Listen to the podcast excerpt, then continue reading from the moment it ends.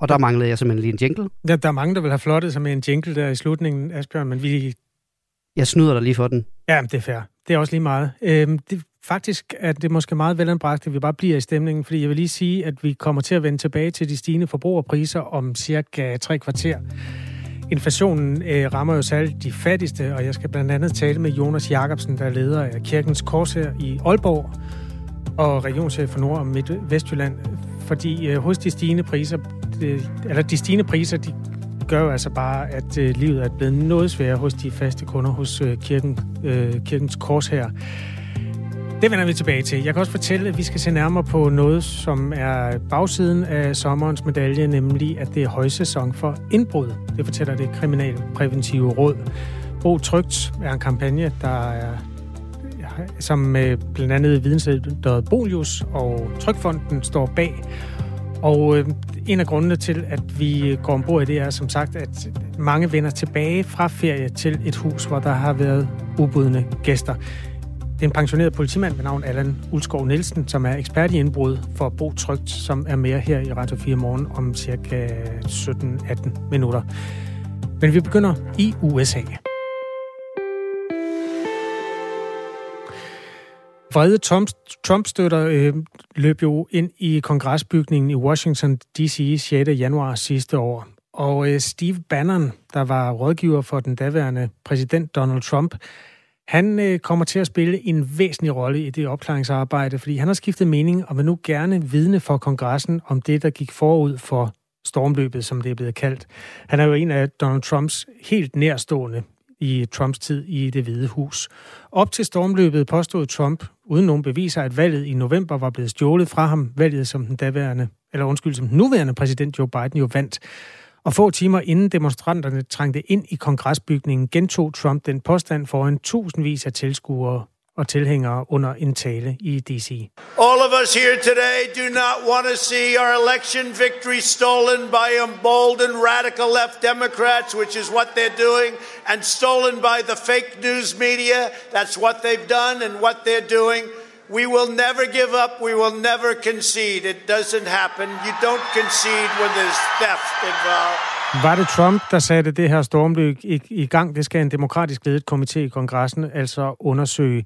Emil Friis Lausus er juridisk analytiker ved det netmedie, der også hedder kongressen, men altså ikke har noget med bygningen som sådan at gøre. Øh, godmorgen. Godmorgen. Det faktum, at Steve Bannon alligevel er klar til at vidne, hvor, hvor væsentligt er det? Jamen, det er ekstremt væsentligt. Øh, som du også lige gjorde klart i, øh, i introen, jamen, så er Steve Bannon en af Trumps tidligere rådgiver og stadig meget, meget trofaste støtter. Og indtil nu, jamen, der har han nægtet at bidrage til 6. januar komiteens arbejde. Og det er meget muligt, at han egentlig har nogle af de øh, endelige brækker, som skal lægges for, at det her puslespil kan, kan klares på at se, hvem der er, der har ansvaret for alt det, der skete omkring 6. januar op til. Hvis han stadig er tæt allieret med Trump, så kan han jo også have en anden dagsorden med at vidne det kan han helt sikkert. Det er også meget muligt, og det har faktisk også haft betydning på, at han måske nu kommer frem, at øh, Donald Trump selv har været ude at sige, at det der godt kunne være meget rart, at der var nogen, der kom og sagde noget, øh, sagde noget godt om ham, lavede et lille forsvar til ham, i stedet for det, hvad han mener er et direkte angreb på ham konstant, at de her høring, offentlige høringer viser øh, om hans arbejde og involvering i 6. januar. Hvad har været Steve Bannons øh, argumentation for ikke at ville vidne i noget, der er så væsentligt? Jamen indtil videre så har det været, at han ikke kunne vidne i de her, øh, eller ikke kunne bidrage til komiteens arbejde, fordi den information, han havde, var fortrolig. Det er nemlig sådan, at når man har været medarbejder i det hvide hus, ganske vist plejer det at være øh, nuværende medarbejdere, men det kan også potentielt være tidligere medarbejdere, jamen så de samtaler, man har haft med præsidenten eller med hans rådgiver og administration, jamen de skal egentlig holde for, fortrolige. De kan i hvert fald holdes fortrolige. Så det har han været, han været, har Steve Bad, hold mig, det har været Steve Bands argument indtil da, at de samtaler, han har haft, er fortrolige og derfor ikke kan videregives til komiteens, øh, ja, komiteens arbejde. Øh, han er tiltalt for kong, for, for akt for kongressen, og det er altså den amerikanske kongres, og ikke netmediet kongressen.com. Øh, han skal i, øh, i retten 18. juli. Hvad kan have spillet ind til i forhold til, at han nu har besluttet sig for at, at vidne? Har du noget bud på det?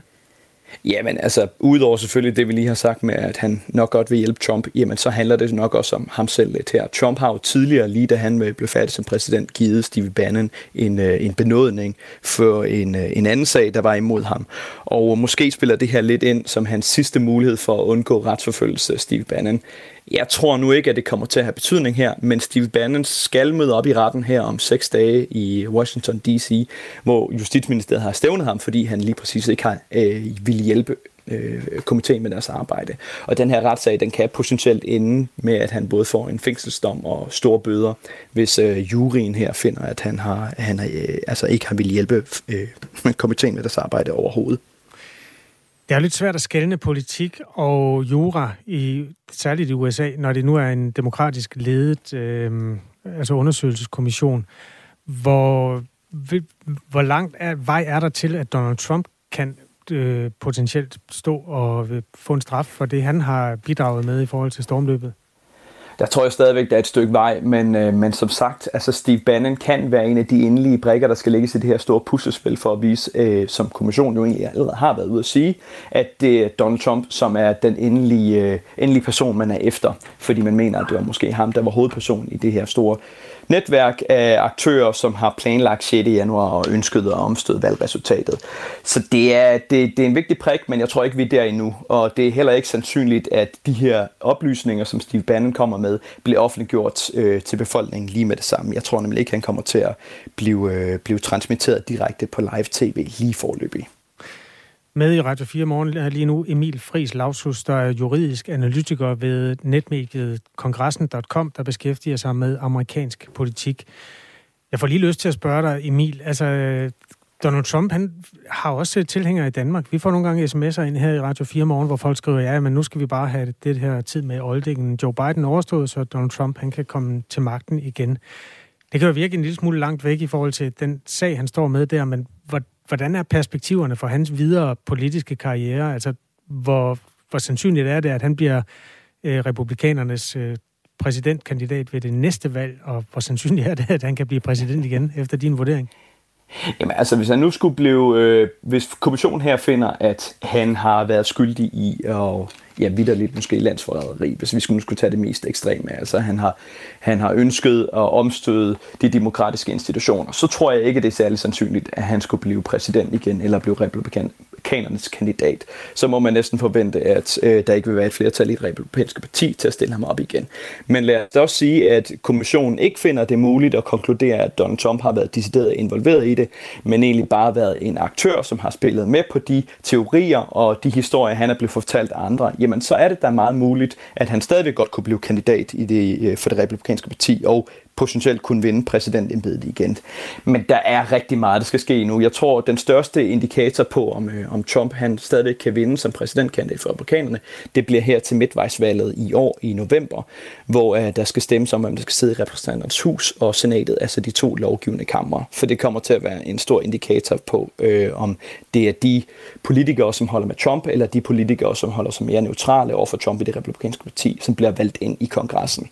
Så jeg tror, det er næsten det, vi skal vente på, at få den egentlige konklusion på den her rapport, og så se, om Justitsministeriet har tænkt sig at gøre noget, hvis det nu viser sig, at konklusionen er, at Trump er skyldig, eller i hvert fald potentielt er skyldig, og så også, hvad befolkningen mener til efteråret. Fordi det er, det er langt fra sikkert, at Trump han er fuldkommen meldt ude endnu. Hvor lang vej er der igen, før det er afklaret?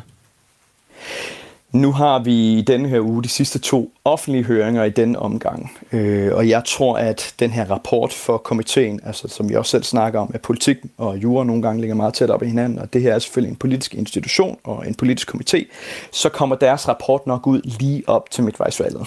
Så jeg tror, at øh, vi nok lige skal vente et par måneder endnu. Den ligger jo i november, midtvejsvalget, så måske i september og oktober kommer vi til at høre nogle af de endelige resultater. Og så tror jeg også, der kommer flere enten offentlige høringer, eller i hvert fald øh, offentligt transmitteret øh, tv inden fra kongressen, hvor resultatet bliver offentliggjort. Så tre måneder endnu. Okay.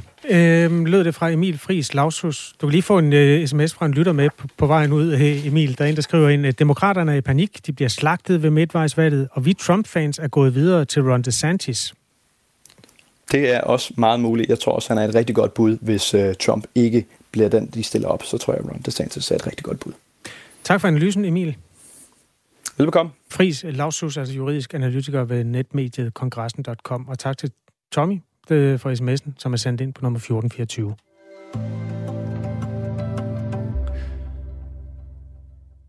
Nu skal vi vende os mod en øh, ret varmblodet og væsentlig debat, der voksede frem i Radio 4 morgen i går. Det handler om læsestoffet i folkeskolens mindste klasser, hvor etniske minoriteter og multikulturelle historier er temmelig underrepræsenteret. Og det bør man lave om, så alle elever ikke kun etnisk danske, men alle kan spejle sig i undervisningen, mener skolelærer Camilla Trummer, der er forfatter til et bachelorprojekt om minoriteternes plads i dansk undervisningen. Altså, jeg ser det jo som min dannelsesopgave som skolelærer at lære børnene om den verden, de skal ud i i virkeligheden efter skolen. Og den er jo multikulturel, så hvorfor ikke læse litteratur, der afspejler øh, etniske minoriteter? Det er der mange gode grunde til, mener Pia Kærsgaard, øh, som er værdiordfører og medlem af Folketinget for Dansk Folkeparti. Så jeg synes igen, det er et øh, skridt i den retning, at øh, man fjerner sig fra den danske kultur. Nu vil man alt muligt anden kultur, og vi lever altså i Danmark, og jeg synes, at alle, der går i folkeskolen, skal naturligvis lære om den danske kultur, ikke multikultur. Det er dansk kultur, vi har i Danmark, og sådan mener jeg, at det skal være. Et af de sådan, konkrete forslag, Camilla Trummer kom frem til, det var øh, historien om en afghansk pige, der var kommet til Danmark, hvor øh, det, det her stykke, øh, altså bogen, den handlede om hendes flugt, og hvad det var, hun flygtede fra. Kan det ikke være meget nyttigt for os for etnisk danske børn at kende den del af forhistorien for de mennesker, de omgås? Jo, men jeg tror, det indgår i den almindelige danske debat. Det kan vi jo næppe indgå, fordi ja, det foregår, og det er ikke sådan, at man skal undgå en debat. Men ligefrem at lave en øh, speciel hvad skal man sige, øh, en speciel øh, opgavelæsning i forhold til det, det synes jeg ikke. Det er jo noget, der bliver debatteret i det danske samfund. Det er noget, der bliver vist i medierne. Det er noget, der bliver tale om. Men lige frem at lave det som et pensum, det har jeg altså... Det må jeg sige, det forstår jeg ikke, hvad det skal til for. Nu er det jo folkeskolens små klasser, der er i tale her, og det er jo ikke, fordi deres forbrug af almindelige medier er så stort. Øh, kan man ikke øh, af den grund bringe det i spil? Nej, det synes jeg ikke. Øh, det synes jeg, jeg kan ikke se, hvorfor. Altså, øh, stadigvæk så bor vi i Danmark. De børn, der går i folkeskolen, og det gælder alle børn, skal have en, øh, en god læring i, i det samfund, de vokser op i. Og det, der, og det samfund, man vokser op i i dag, det er altså stadigvæk det danske samfund, selvom der er andre kulturer. Og hvad er det i øvrigt, man, man skal lære? Altså, hvor langt skal man gå? Øh, skal man lære om forskellige skikke, øh, der er i, en dansk kultur, øh, i andre kulturer, eller skal man alene øh, Øh, være i den kultur, som er i Danmark, og hvor det er almindelige skikke. Altså, jeg har lidt svært ved at forstå det her, at øh, man pludselig skal bevæge sig ind på et andet område i, i en folkeskole, der i den grad i øvrigt øh, er er desværre for nedadgående i forhold til den almindelige læring. Det ved vi jo, at øh, børn er ikke så dygtige i dag, når de kommer, heller ikke når de kommer op på de forskellige øh, klassetrin, til at lære at skrive og regne, som man godt kunne ønske. Så jeg synes, at man skal være meget fokuseret på, at det er dansk læring, det er dansk kultur, det er Danmark, vi bor i, og det skal alle være med til, også dem, der kommer fra et andet sted og går i den danske folkeskole. Pia Kærsgaard er altså værdiordfører og medlem af Folketinget for Dansk Folkeparti, og det her det tager udgangspunkt i et debatindlæg fra Camilla Trummer, der er skolelærer og har lavet et bachelorprojekt om minoriteters plads i dansk undervisningen. Øh, et af folkeskolens formål er ifølge folkeskoleloven, at man skal forberede eleverne til deltagelse, medansvar, rettigheder og pligter i et samfund med frihed og folkestyre. Øhm, der er kommet en sms fra vores lytter, Martin, hvor er det nu han? Jo, han skriver, er dansk kultur ikke også multikultur? Nej. Det mener jeg bestemt ikke, at dansk kultur er, og skal aldrig nogensinde blive det. Altså dansk kultur er dansk kultur. Dansk kultur er ikke multikultur, uanset hvor meget man forsøger at sige, at det skal det være. Nej, det er det ikke. Dansk kultur er én ting, og det er dansk kultur. Det, som er en del af det danske samfund, og det kan jeg se også afspejles i nogle af de inputs, der kommer fra vores sms, det er jo, at der kommer mennesker her, hvor øh, det er nogle andre ting, der spiller en rolle. Så nu stiller jeg lige, sammenfatter jeg det lige et spørgsmål fra de her mennesker, der har skrevet til programmet her. Kan det ikke være en fordel at forstå, hvorfor for eksempel øh, religion fylder så meget hjemme hos de mennesker, altså de små mennesker, som man går i klasse med? Nej, det, det synes jeg ikke, fordi hvad er det så, man skal lære om deres religion? Altså, hvor langt skal man gå? Skal man øh, mere forstå, altså nu bliver jeg måske lidt firkantet, skal man mere forstå, at øh, rejselsesretten gælder mere i, i hjem med, med anden etnisk baggrund? Fordi det ved vi jo, at sådan er det. Det synes jeg faktisk ikke er nogen fordel. Skal man lære, at, øh, at man... Øh, man, man måske kan blive væk fra timerne, fordi man øh, har en religion, man skal passe i stedet for. Altså er det der, vi skal hen? Og det synes jeg ikke øh, er, er nogen fordel overhovedet. Slet, slet ikke for de børn med anden etnisk baggrund, som jo skal netop ud i det danske samfund, når ikke de længere går i skole. Så synes jeg, det er meget vigtigt, at det er danske regler, og at det er dem, der gælder øh, i stedet for. Der er lige et input øh, her til sidst, Pia Kærsgaard, fra øh, Skole og Forældre. Det er altså Landsorganisationen for skolebestyrelser og forældre til børn i folkeskolen, som også skal afspejle, at Danmark er jo ret forskelligt sammensat. Der findes øh, meget øh, blandede øh, klasser, øh, særligt omkring de store byer, og så findes der meget sådan øh, etnisk danske øh, skoler, sådan, hvis man kommer lidt længere væk fra de store byer. Og derfor øh, mener Regitze Spænder Ishøj, som er næstformand i skoleforældre også, at det skal være op til den enkelte skolebestyrelse at vurdere, om der er behov for at gøre det her undervisningsmateriale mere diverst? Altså, jeg synes jo helt bestemt, at det skal være op til den enkelte skole og den enkelte skolebestyrelse at se på, hvad er det for nogle tekster, og hvad er det for nogle undervisningsformer, der giver mening på den enkelte skole, og i forhold til de børn og den børnegruppe, som er på skolen. Så bare lige til sidst, Birk, kunne du være åben for, at man lod et enkelt skole tage stilling til, om der var behov for at bringe noget litteratur ind, der afspejlede sammensætningen af elever lidt bedre? Jo, ja, Jamen, det tror jeg faktisk, øh, der allerede bliver gjort i dag, og det er jo også det, der skal at øh, det er op til den enkelte folkeskole, hvordan der skal være undervisning. Men jeg er bare bange for, at det, der bliver lagt op til det her, det er en, noget, der bliver trukket ned over skolerne, og det ønsker jeg på ingen måde. Hvis der er nogle skoler, som øh, har, der er jo metodefrihed, øh, har en, en anden opfattelse, at lige her, der skal vi altså lige putte noget ind, jamen så vil jeg ikke øh, lave hindring i forhold til det. Men det må bare aldrig nogensinde overtage øh, skolerne som sådan, og det er nok det, jeg, jeg frygter lidt med det her. Og det konkrete forslag, det er jo altså, eller det som er det konkrete debatindlægs øh, budskab er jo altså, at man skal kigge på den litteratur, altså skønlitteratur, som børnene læser. Det er det, Camilla Trummer i hvert fald har slået på trummen for. Øh, som et bachelorprojekt, ja, nu prøver jeg lige at finde den her sms. Et bachelorprojekt er blot en større opgave, der bruges som forberedelse til at kunne arbejde akademisk med forskning, og især et speciale projekt. At nævne et bachelorprojekt alene som grundlag for at konkludere, at der er problemer i forhold til diversiteten af tekster i indskolingen, er altså pinligt, lyder en tilbagemelding fra et af de mennesker, der hører det her program. En anden skriver, muslimske børn skriver historier fra skolestart. De læser deres historier op, de bruger navne, som de er fortrolige med. Det er der heldigvis ingen, der gør af. En tredje sms lyder sådan her. Hvor er det naivt at tro, at dansk kultur i dag udelukker minoriteter? Er vi ikke verdensborgere i et globalt samfund? Det er kun godt at inkludere minoriteterne. Det er cirka der, vi er, sms-mæssigt. Og hvis du har noget på hjertet i den her sag, så skal du blive på kanalen, fordi mellem 9 og 10 er der ring til Radio 4, hvor øh, Ida Sofie Sellerup går i dybden med denne her debat, og der er altså plads til alle de synspunkter, øh, som eksisterer altså holdninger til, om skønlitteraturen for de første klassetrin skal sammensættes lidt mere blandet, fordi øh, kanon i øjeblikket, altså det obligatoriske litteraturpensum, er skrevet af hvide mænd. Klokken er 8.23. Efter to år med coronanedlukninger og restriktioner kan danskerne nu igen tage på sommerferie i stor stil, men mange uger med tomme huse er guf for indbrudstyve. Sommeren er højsæson for indbrud, fortæller det kriminalpræventive råd. Der er en kampagne ved navn Bo Trygt, som er lavet af Trykfonden, Videnscenter Bolius og det kriminalpræventive råd.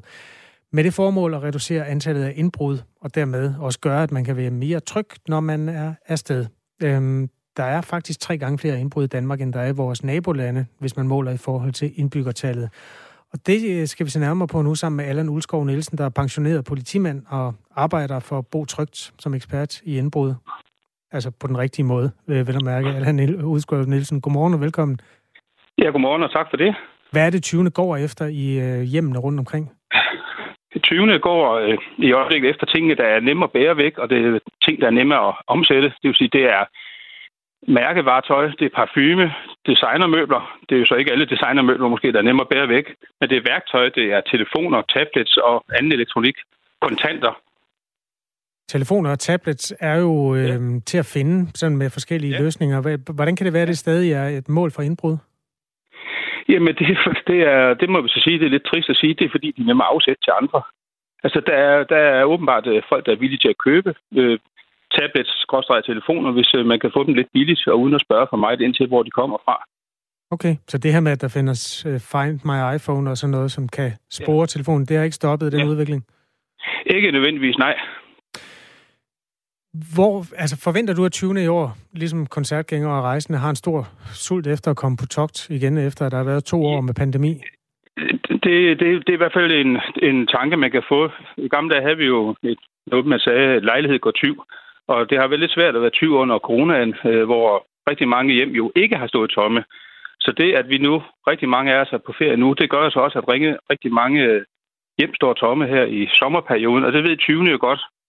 Og typisk så tager 20'erne, hvis de har udset sig et område et eller andet sted i en by, så, så tager man jo på nogle rekognoseringstugter, og så prøver man at aflæse signaler fra husen om, er det her sted, hvor der er nogen hjemme, eller er det her sted, hvor der tydeligvis er nogen ikke hjemme?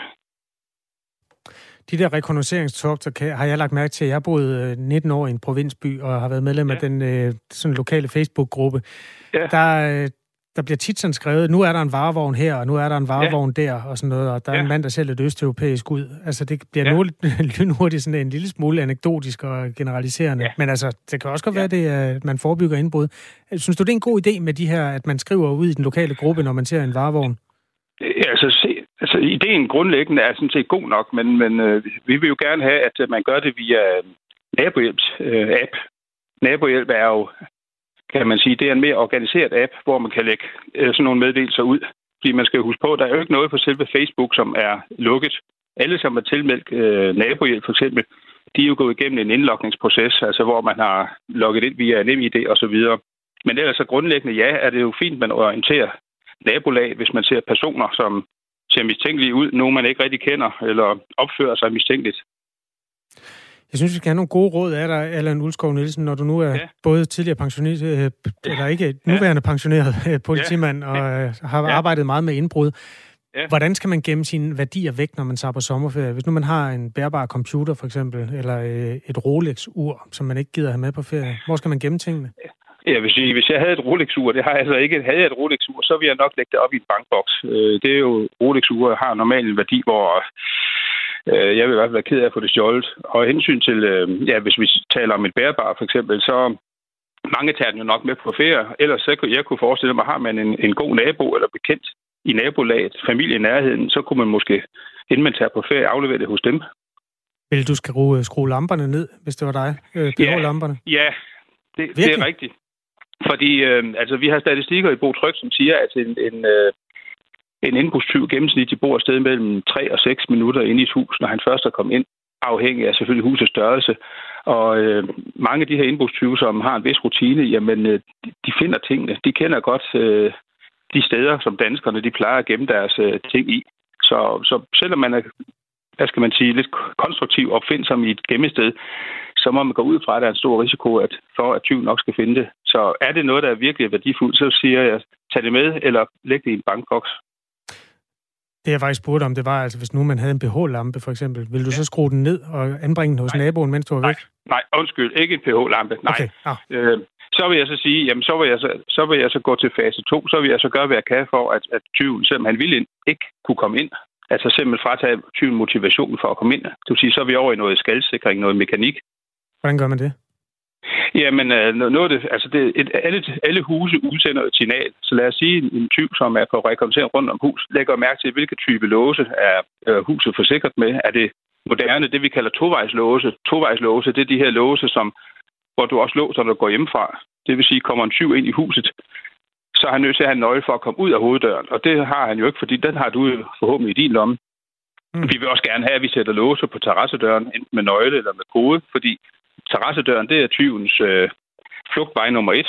Og hvis han ved en tur rundt om huset, kan se, den her terrassedør, den er til sydland også forsynet med en lås, den kommer heller ikke ud af. Så er der kun én vej ind, det er så vinduerne. Og det er altså øvrigt også der, hvor langt de fleste indbrud sker, det er via vinduerne, og der kan man så, i anbefaler at sikre vinduerne med, med sikringsbeslag. Man kan faktisk med meget små midler gøre et vindue meget, meget, meget, meget mere modsatsdygtigt over for at blive brudt op. Tak for de gode råd, Allan Ulskov Nielsen, pensioneret politimand og Bo Trygt, ekspert i indbrud, som der altså er 30-35.000 af i Danmark om året. 8 ud af 10 af dem sker i huse, altså villager. Du lytter til Radio 4 Morgen. Jeg hedder Kasper Harbo, og nyhedsverden han hedder Asbjørn Møller. Klokken er halv ni.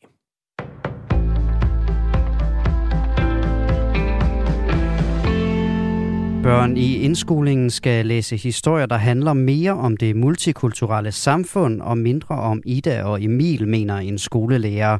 Det, det handler ifølge hende om elevernes dannelse. Men det er Dansk Folkepartis værdiordfører Pia Kærsgaard ikke enig i, fortæller hun. Jeg synes ikke om forslaget. Uh, altså, jeg synes igen, det er et uh, skridt i den retning, at uh, man fjerner sig fra den danske kultur. Nu vil man alt muligt anden kultur, og vi lever altså i Danmark, og jeg synes, at alle, der går i folkeskolen, skal naturligvis lære om den danske kultur, ikke multikultur. Hun mener altså, at så længe vi er i Danmark, så er det Danmark, man skal lære om, siger hun. Og hvad er det i øvrigt, man, man skal lære? Altså, hvor langt skal man gå? Øh, skal man lære om forskellige skikke? Øh, der er i, en dansk kultur, øh, i andre kulturer, eller skal man alene være i den kultur, som er i Danmark, og hvor det er almindelige skikke? Altså, jeg har lidt svært ved at forstå det her, at øh, man pludselig skal bevæge sig ind på et andet område. SAS og Pilotforeningen genoptager forhandlingerne i morgen, det oplyser formanden for Dansk Pilotforening Henrik Thyregod.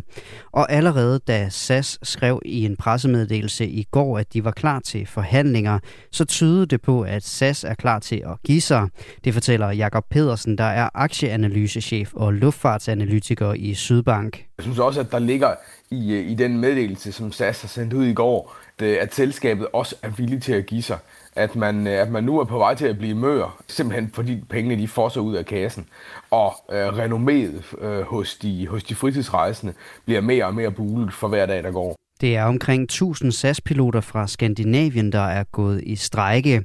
Det anslås, at omkring 45.000 passagerer dagligt rammes af strejken, og at den koster SAS mellem 72 og 94 millioner danske kroner dagligt.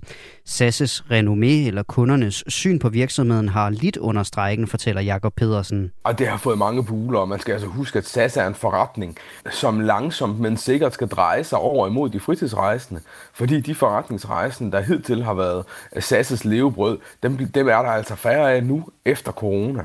Så SAS har en kæmpe opgave foran sig med at, at få, få styrket sit brand og, og øh, sin, sin øh, evne til at få, få de, øh, få de fritidsrejsende op i flyene. Og, og det har man altså fået en, en ren maveplasker af en start på. Forhandlingerne mellem SAS og Pilotforeningen vil som hidtil finde sted i Stockholm. Det første billede taget af James Webb-teleskopet er blevet frigivet i af NASA. Billedet viser galakser 13 milliarder lysår væk. Dermed er nogle af elementerne på billedet de fjerneste, som nogensinde er blevet fotograferet. Webb-teleskopet er sendt i kredsløb om solen omkring 1,6 millioner kilometer fra jorden. Herfra er det meningen, at teleskopet skal tage billeder af universet. Det første billede blev præsenteret af USA's præsident Joe Biden. Hele projektet estimerer til at komme til at koste omkring 10 milliarder dollars, hvilket svarer til omkring 73,7 milliarder danske kroner. Dermed er projektet et af de dyreste videnskabelige eksperimenter nogensinde, og på linje med partikelacceleratoren, som ligger centralt i Europa. Teleskopet er i stand til at rejse i kredsløb om solen i cirka 20 år i alt. Først på dagen stedvis skyde eller tåget vejr, men det klarer hurtigt op med nogen eller en del sol. I løbet af dagen trækker skyer ind over den vestlige del af landet og mod nordvest mulighed for enkelte byer. Temperaturer op mellem 21 og 26 grader. Det var nyhederne på Radio 4 med Asbjørn Møller.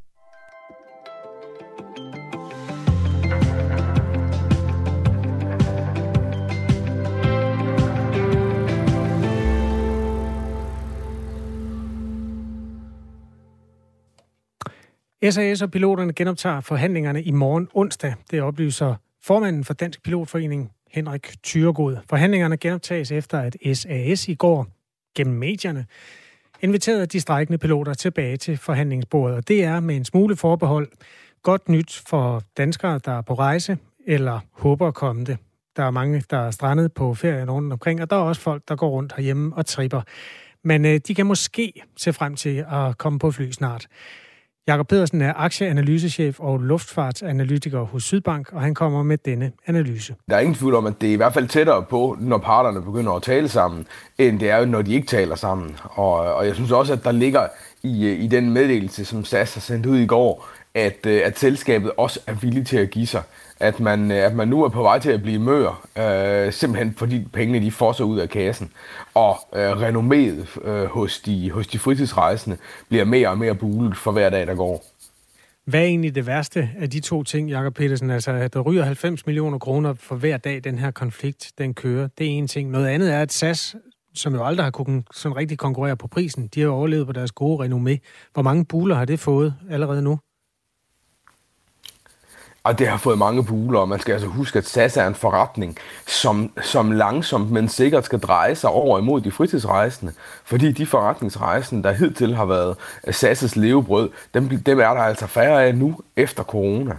Øh, så, så SAS har en kæmpe opgave foran sig med at, at få, få styrket uh, sin, uh, sin, hvad kan man sige, sit, sit brand og, og uh, sin, sin uh, evne til at få, få, de, uh, få de fritidsrejsende op i flyene. Og, og det har man altså fået en, en ren maveplasker af en start på, øh, både med en strække i vinterferien, hvor, hvor de private skulle på, på ferie, og så med, med den her øh, forholdsvis lange strække og den usikkerhed, der har knyttet sig til, om der kom strække eller ej her i sommerferien. Det her det er Radio 4 Morgen. Jakob Petersen er med, altså aktieanalysechef ved Sydbank og også luftfartsanalytiker. Øhm, da SAS i aftes udsendte en pressemeddelelse om, at man vil tage initiativ til at genoptage mailingen med piloterne, sagde formanden for Dansk Pilotforening, Henrik Tyregod, sådan her. Det er helt nyt for mig. Jeg synes, det er en, en, en mærkværdighed at gå ud i pressen omkring de ting, i stedet for at kontakte mig direkte, så vi har en aftale om, vi skal mødes. Jakob Petersen, hvordan anskuer du det? Jamen, jeg er, egentlig, jeg er for sig lidt enig. øhm, og, og det er jo et godt billede på, at, at kampen mellem piloter og, og SAS foregår også i offentligheden. Den foregår også i pressen. Der er, begge parter har meget, meget stor interesse i, at det ikke er dem, der i offentligheden bliver stemplet som de skyldige i, at det her det er sket.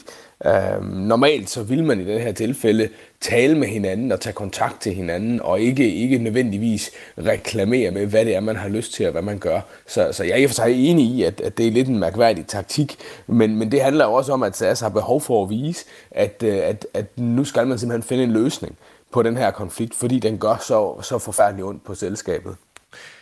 I detaljer er det svært at gå helt ned i en overenskomst, fordi hvis man spørger den ene part, så peger de et sted i en meget lang overenskomst, og hvis man spørger den anden part, så peger de et andet sted, og de beskylder gensidigt hinanden for at flytte målstregen. Hvad er efter din opfattelse stridens sådan mest afgørende æble? Der er ingen tvivl om, at for piloterne, der handler det her om, øh, om, om 450 fyrede kolleger, som, øh, som man gerne vil have tilbage i SAS, inden SAS begynder at ansætte andre piloter på billigere vilkår i de datterselskaber, som SAS har oprettet. Derimod for, øh, for SAS, øh, der handler det her jo om, at man skal have omkostningerne bragt ned, hvis man skal redde selskabet. Øh, og, og derfor så er forhandlingerne med piloterne i og for sig også bare en puslespilsbræk i et langt større og vigtigere puslespil, nemlig redningen af, af SAS. Og det at få gælden bragt ned, det at få nye penge i kassen, det er meget vigtige puslespilsbrækker i, den, øh, i det puslespil også. På det globale marked er der jo hårdere konkurrence og forskellige overenskomster, man kan shoppe imellem, og det er derfor, øh, der findes nye piloter, der kan ansættes med dårligere vilkår i datterselskaberne, end man har set, de oprindeligt har været ansat til, eller andre piloter har været ansat til. Kan det lade sig gøre overhovedet at holde en, skal vi kalde det dansk standard på lønniveauet, når øh, det er så globalt, som det er, det her marked? Det er jo en svær øvelse, man kan sige. Det er jo blandt andet den øvelse, der har gjort ondt på SAS. Øh, en ting er, at man, at man faktisk også her i Danmark kan finde billigere overenskomster, end det SAS-piloterne de har fløjet til indtil nu. Øh, men, men kigger vi ud i verden, jamen, så er vilkårene for mange af de kolleger, som, øh, som SAS-medarbejderne har, selvfølgelig værst i, i, i, i de deciderede lavprisselskaber og i, i sydeuropæiske og østeuropæiske øh, selskaber. Men, men, men, men, men, men der er omkostningerne priserne bare utrolig meget lavere. Øh, og det er klart, det sætter et kæmpe tryk på, øh, på, på de skandinaviske medarbejdere. Og, og vi mangler jo stadigvæk, kan man sige, Norwegian har jo forsøgt, og jeg vil også sige, at, at kigger man på vilkårene SAS Norwegian, så er det jo ikke fordi, de er milevidt fra hinanden. Øhm, men, men vi mangler også stadigvæk, i hvert fald efter corona, at se, at, at Norwegian kan, kan tjene penge i, øh, ja, hvad kan man sige, i, med, med et omkostningsniveau som, som, øh, som det, de har. Så det er stadigvæk sådan lidt op til, øh, øh ja, til, til et spørgsmålstegn om, øh, om, om de her øh, nordiske flyselskaber har en forretningsmodel, der gør, at de kan blive, blive langtidslevedygtige med, med nordiske omkostninger. Men, men vi ved jo, at større flyselskaber, øh, de store gamle hæderkronede selskaber som Lufthansa, British Airways, altså de har jo også, de har jo også lønninger og vilkår, der i og for sig ligger, ligger tæt op af det, som, som vi ser blandt andet hos, øh, øh, hos SAS. Og, og, og de overlever jo, men det gør de altså i kraft af et meget stort langdistancerutenetværk, hvor de, øh, hvor de er fri for konkurrencen med lavpriskonkurrenter. Sidste nyt er altså, at der er en fremstrakt hånd i første omgang i medierne, men øh, måske ringer de også hen ad vejen til forhandleren øh, fra SAS' side. Oplever du det som et tegn på, at piloternes strategi og strække har haft en virkning? Ja, det gør jeg. Øh, og, og man kan sige, øh, det, det er jo selvfølgelig godt for den her konflikt. Er det så godt for de næste forhandlinger, der skal finde sted også? Eller er det her et, øh, et vink om, at, øh, at hvis, bare man, hvis bare man holder, øh, holder strejken og holder presset på SAS-ledelsen længe nok, så bliver de møre, øh, fordi der er rigtig mange andre forhandlinger, der skal foretages hen over de næste, det næste års tid, som man skal i mål med. Øh, så, så, så det er klart, at det her det bliver en linedans for, øh, for SAS-ledelsen, at sørge for, at den her strejk, den, øh, den stopper, øh, samtidig med, at man får, får gedigende omkostningsreduktioner, øh, så, så, man kan, så man kan føre SAS videre. Kommer vi til at se en strejke igen næste år, og næste år igen? Ah, må ikke, må ikke parterne kan finde ud af at lave en meget, meget lang overenskomst, så, så det her det ikke bliver et tema. Det vil, være, det vil være et ekstremt stærkt kort at kunne gå ud og spille fra SAS-ledelsen, hvis man får lavet en lang overenskomst, og så sige, at øh, det her det er vi godt nok kede af, kære kunder. Det er Jakob Pedersen, øh, der var med her, aktieanalysechef og luftfartsanalytiker hos Sydbank. Programmet her hedder Radio 4 Morgen. Jeg hedder Kasper Harbo, og klokken den er 8.42. Forbrugerpriserne, også kaldet inflationen, er steget med 8,2 procent på et år. Det er det højeste prishop, danske forbrugere har oplevet i næsten 40 år. Og det gør ondt, særligt på dem, der ikke har særlig mange penge. Jonas Christensen er leder af Kirkens Kors her i Aalborg og regionschef for Nord- og Midt-Vestjylland. Godmorgen. Godmorgen. Hvordan kan I mærke, at øh, folk er presset på økonomien?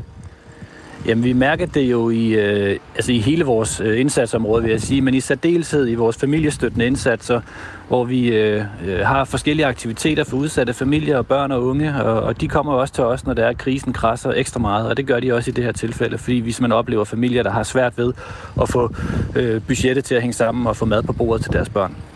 Så det oplever vi meget konkret. Jeg har en top 3 over prisstigninger her. Øh, madolier, næsten 100 procent er det steget med. Smør er steget med 30 procent. Pasta er steget med 28,4 procent.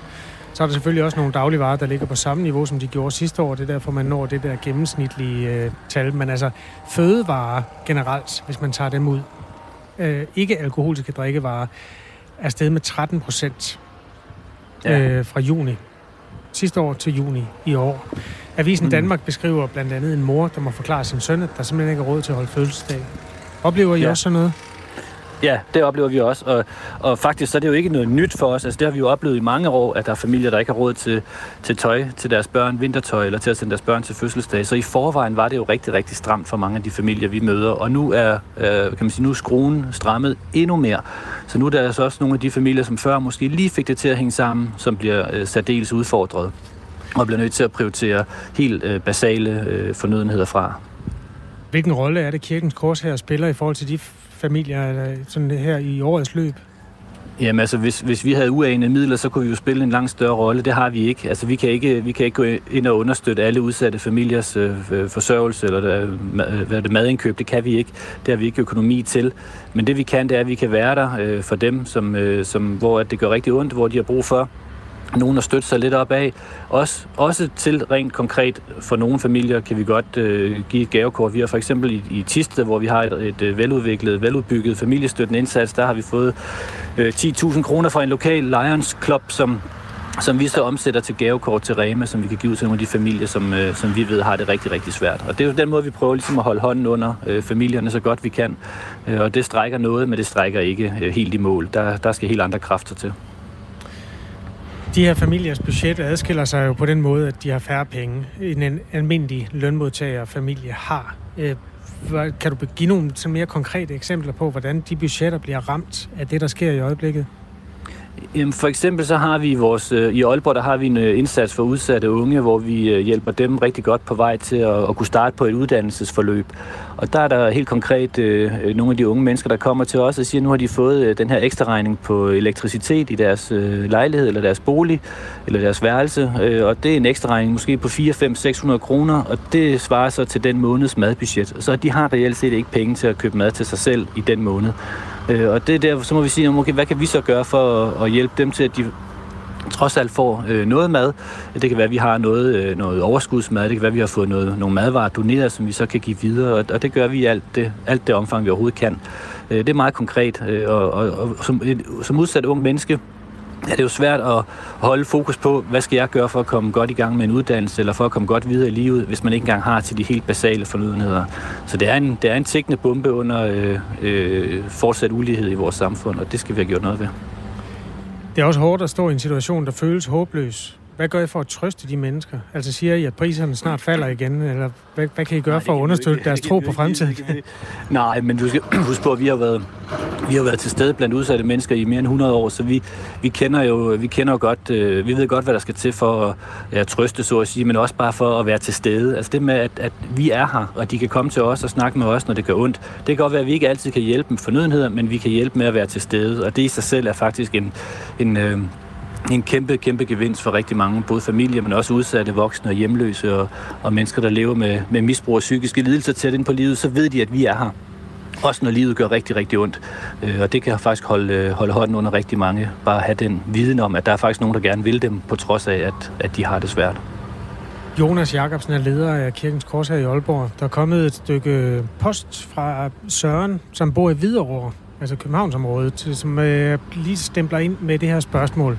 Hvordan kan man ikke have penge til tøj til sine børn, når man får børnepenge fra staten? Øh, ja, det er jo et godt spørgsmål, og det er jo komplekst, og det er ikke øh, sort-hvidt det her. Det er jo ikke sådan, at bare fordi man får en kontanthjælp og får børnepenge, at så, så har man øh, et, et vist rådighedsbeløb, fordi der er en masse ting, der spiller ind her. Der er jo både huslejepriser, der kan variere lige fra øh, den helt billige ende til 3-4.000 om måneden til den dyre ende, til 8-9.000 i, i Aalborg ikke, for, for en lejlighed. Og det gør jo en kæmpe forskel på, hvad man så har til overs. Hvis man så lever med, øh, som enlig med, med tre børn eller fire børn, øh, hvor at måske to eller tre af børnene har særlige behov, som gør, at, at de skal have øh, medicin for eksempel, jamen så er det også noget, der skal prioriteres. Det kan godt være, at man får medicintilskud, men det strækker jo ikke øh, hele vejen. Øh, og når der er rigtig mange børn, så er der også rigtig meget tøj. Øh, og vinterstøvler koster, øh, flyverdragter koster, så, så det er jo hele vejen rundt. Der skal også mere mad på bordet. Altså, så, så det er bare stramt. Og så er det nemt nok at sige, at men, men hvis man får penge, så må man jo prioritere. Men hvis ikke man har lært, hvad der skal til for at prioritere, så er det jo også noget, at man kan sige, at, at, at så er det svært at, øh, at få det til at hænge sammen.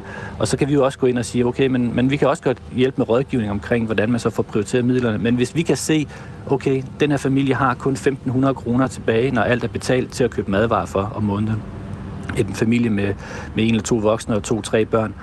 Men så er der bare ikke mulighed for at prioritere. Altså så er det benhårdt at vælge ting fra, øh, som der bare ikke er råd til. Det er, øh, det er et vilkår i vores samfund i dag.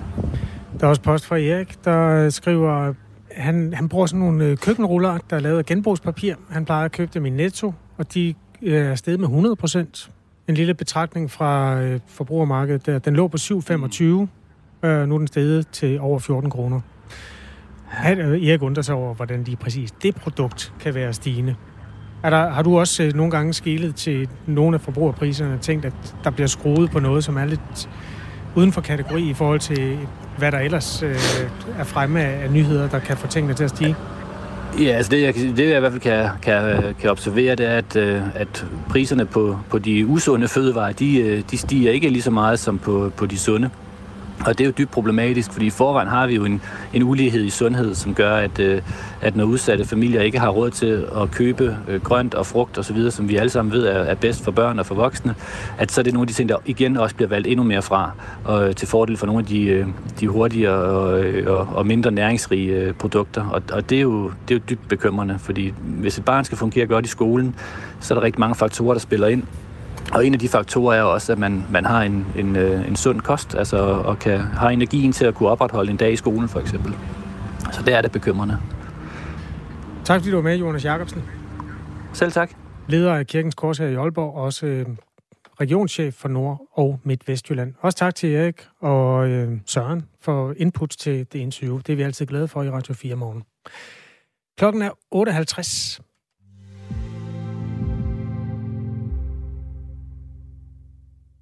Vi fokuserer på Mink-sagen, selvom den på papiret er afsluttet med et par næser og mulige opfølgende juridiske øh, sager mod nogle embedsfolk. Altså, den blev jo afsluttet med en 1600 sider lang Mink-sags rapport i slutningen af juni, og det har været diskuteret i Folketinget, hvordan og om de implicerede skulle straffes eller ikke straffes. Blå partier har jo traditionelt været mere ude efter statsministeren end røde partier. Det man i hvert fald ikke har kunnet finde politisk opbakning til, det er en advokatvurdering af statsministerens ansvar i sagen, altså om hun har optrådt groft uagtsomt. Det er der til gengæld folk øh, i Danmark, der godt kunne tænke sig, at man kiggede nærmere på. Og øh, en af dem er Carsten Berger, der er bosat på Frederiksberg, med på telefonen nu. Godmorgen, Carsten Berger. Jo tak. Ja, ja. Tre borgerforslag er der blevet stillet indtil videre via den hjemmeside, der hedder borgerforslag.dk, som handler om, at man vil have en uvildig advokatundersøgelse af statsministerens rolle i sagen. Hvorfor har du stillet sådan et forslag? Altså udenbart er det ikke kun statsministeren, jeg skriver samtlige berørte ministre. Okay. Øh, og forslaget er også stillet før, at der var, øh, før man vedtog, at der ikke skal foretages advokatundersøgelser. Øh, fordi der er et stykke tid, før det kommer frem. Men det er simpelthen for, for at få afklaret af, er der et ansvar, eller er der ikke det må også være i de berørte ministres øh, interesse at få det afklaret, så man ikke har et eller andet hængeparti senere, om man nu havde gjort noget forkert eller ej. Statsministeren har jo i hvert fald, hvis hun har ønsket, eller hvis hun har følt, at det var i hendes interesse, at der kom sådan en, en undersøgelse, så har hun skjult det godt. Altså man har jo ikke fra regerings- og støttepartier ønsket den her undersøgelse. Hvordan kan du vurdere, at det er i deres interesse? Jamen, altså, du kan sige, at det grundlæggende, hvorfor vi har stillet det, det er jo at vi ønsker en lighed for loven. Altså, man er ikke... Øh, almindelige borgere og, og folketingsmedlemmer, de er begge to ansvarlige for deres handlinger. Altså, du kan sige, at hvis jeg øh, kører for stærkt på motorvejen, øh, og jeg ikke ser hastighedsskiltet og bliver stoppet af politiet, så kan jeg jo ikke sige til betjenten at sige, jeg så ikke skiltet, så jeg har ikke noget ansvar. Ikke? Øh, så kan der sige, så siger betjenten måske, okay, må jeg se din GPS? Ja, den har jeg slettet. Det står der automatisk til, ikke? Øh, ja, men øh, jeg skriver der en bøde alligevel. Det er du der ikke, fordi vi sidder to i vogn, og du kun en, og vi stemmer for, at der ikke er noget lovligt. Farvel og tak. Kan man godt er... sammenligne sådan en lidt banal trafikfortælse med det, med, eller forseelse med det, der skete under øh, sådan en, en pandemi, som var en ret ny situation? Jamen, det er ligegyldigt, om det er en pandemi eller ej. Det skal da undersøges. Jeg siger jo ikke, at der kommer et ansvar. Jeg siger bare, at det skal undersøges. Hmm. Vi skal jo alle sammen være lighed for loven, og det... Øh, øh, altså, normalt er man jo ansvarlig for ikke at lave undersøgelser. Hvis jeg sidder som bestyrelsesmedlem i en eller anden øh, aktieselskab, og vi træffer en beslutning, så er jeg jo ikke økonomisk ansvarlig eller strafferetlig ansvarlig for handlingen, hvis jeg har lavet nogle undersøgelser. Hvis jeg ikke har lavet undersøgelser, så er jeg til gengæld ansvarlig.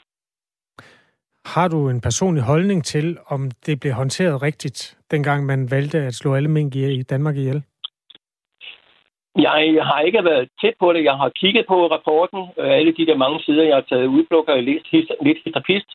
Men grundlæggende så virker det til af, at det er en beslutning, som er truffet, uden man har lavet de nødvendige undersøgelser.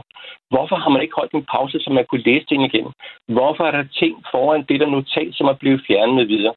Det virker som et eller andet, øh, man bare ville have igennem øh, af en eller anden årsag. Det er, der er et eller andet her, som bør undersøges, om der er et, et ministeransvar eller andet i det. Det, det, det skal undersøges.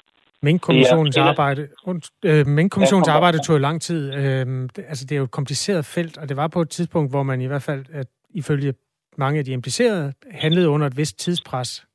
Gør det indtryk på dig? Ja, men, men, men det forhold af, at man ikke for eksempel læser dokumenterne igennem, før man træffer en beslutning. De dokumenter, der ligger til møde, dem har vi ikke læst igennem. Det er der stod der jo af, at der, der var spørgsmål omkring øh, lovhjemmet. Hvis dit borgerforslag opnår 50.000 underskrifter, og Folketinget skal tage stilling til det, hvad er dine forventninger så? Altså Folketinget har jo taget stilling til samme spørgsmål en gang tidligere, altså om der skal være en advokatundersøgelse, og der nåede et flertal jo frem til, at det skal der ikke. Mit ønske er, at der skal foretages en advokatundersøgelse af hensyn til vores samfund, så vi kan opretholde eller genskabe en tillid til vores øh, folketing. Det her med, at det bare suser ud øh, i, i, i hjørnet, øh, fordi man bliver rystet noget ansvar af sig, det duer ikke i vores samfund. Hvis man har gjort noget forkert, jamen så stå frem, vedkend det. Øh, det andet her, det er, det, det skaber mistillid til regeringen. Det skaber mistillid til hele vores samfund. Øh, det er ikke den vej, vi skal i et, hvis vi skal være et demokrati og ikke et diktatur.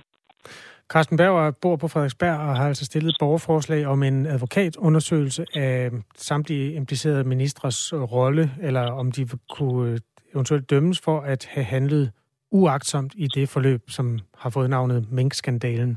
Du får lige et par sms'er fra vores lytter, Carsten Berger. Silas, han skriver, hvorfor er det, at folk stadig tror på de borgerforslag? Hvis han får sine underskrifter, så skal Folketinget tage det op, men de har det jo allerede gjort, og så ligger den der bare igen. Borgerforslag er et spil, der er sat op, så borgere tror, de bliver hørt. Det lyder synspunktet fra Silas.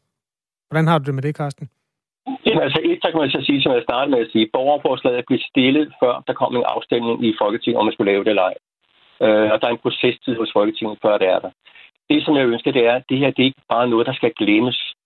Øh, vi skal have fokus på det. Hvis man ikke stiller de her borgerforslag, og man siger, at det er en narresut eller ej, det er sådan set irrelevant.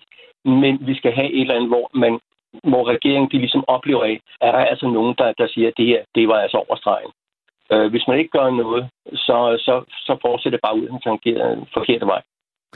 Så det er det samme med et, et almindeligt øh, parforhold. Hvis den ene part er på vej ud på et sidespor, jamen så gælder det over på at få rette personen til, til at komme ind på et sidespor igen, som med tingene kan ske der. Det er også det samme med arbejdspladsen, arbejds, øh, medarbejderen, arbejdsgiver, så man, man, man kan få tingene på plads. Hvis det bare det løber uagt, upå, øh, ukommenteret, så, så bliver det bare værre, værre, værre. Lød det altså fra Carsten Berger. Tak skal du have. Borgerforslagsstiller øh, fra Frederiksberg, som altså ønsker en advokatundersøgelse af de implicerede ministres rolle og mulige øh, uagtsomhed i forhold til minkskandalen. Klokken er to og et halvt minut i ni. Der er fodbold i aften. Danmarks kvinder skal spille den anden kamp ved EM. De møder Finland på Milton Keynes Stadion, der ligger 80 km nordvest for London. De fik tæsk i den første mod Tyskland i fredags, og er trods det stadig favoritter til at vinde kampen mod finnerne. Øh, det vurderer Maja Ring, kildemoster, journalist og fodboldekspert ved Bold.dk. Jamen altså, Finland er et godt hold, der har rigtig mange dygtige spillere. Helt klart ikke et hold, der skal undervurderes, selvom vi skal vinde kampen. Men øh, altså, spiller for spiller, så er Danmark et bedre hold så de skal vinde. Den første kamp blev tabt 0-4 til Tyskland. Hvordan oplevede du den?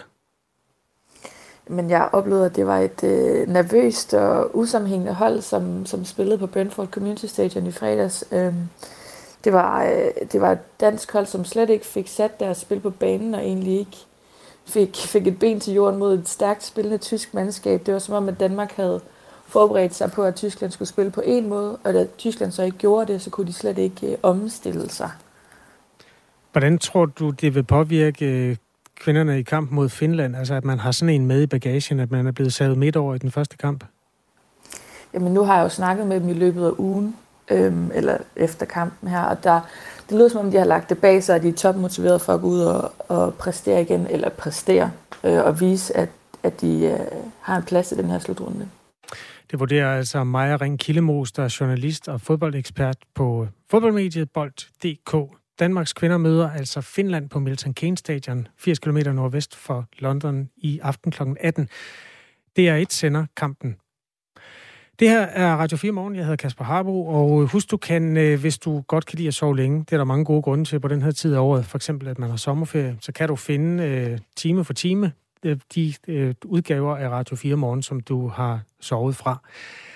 Øhm, efter de nyheder, som Asbjørn Møller står klar med om 20 sekunder, så kan du høre Ring til Radio 4, hvor min kollega Ida Sofie Sellerup ser nærmere på diskussionen om, hvorvidt man skal støve den lidt af, den kanon, der findes på litteratur for de øh, skolebørn på de første klassetrin.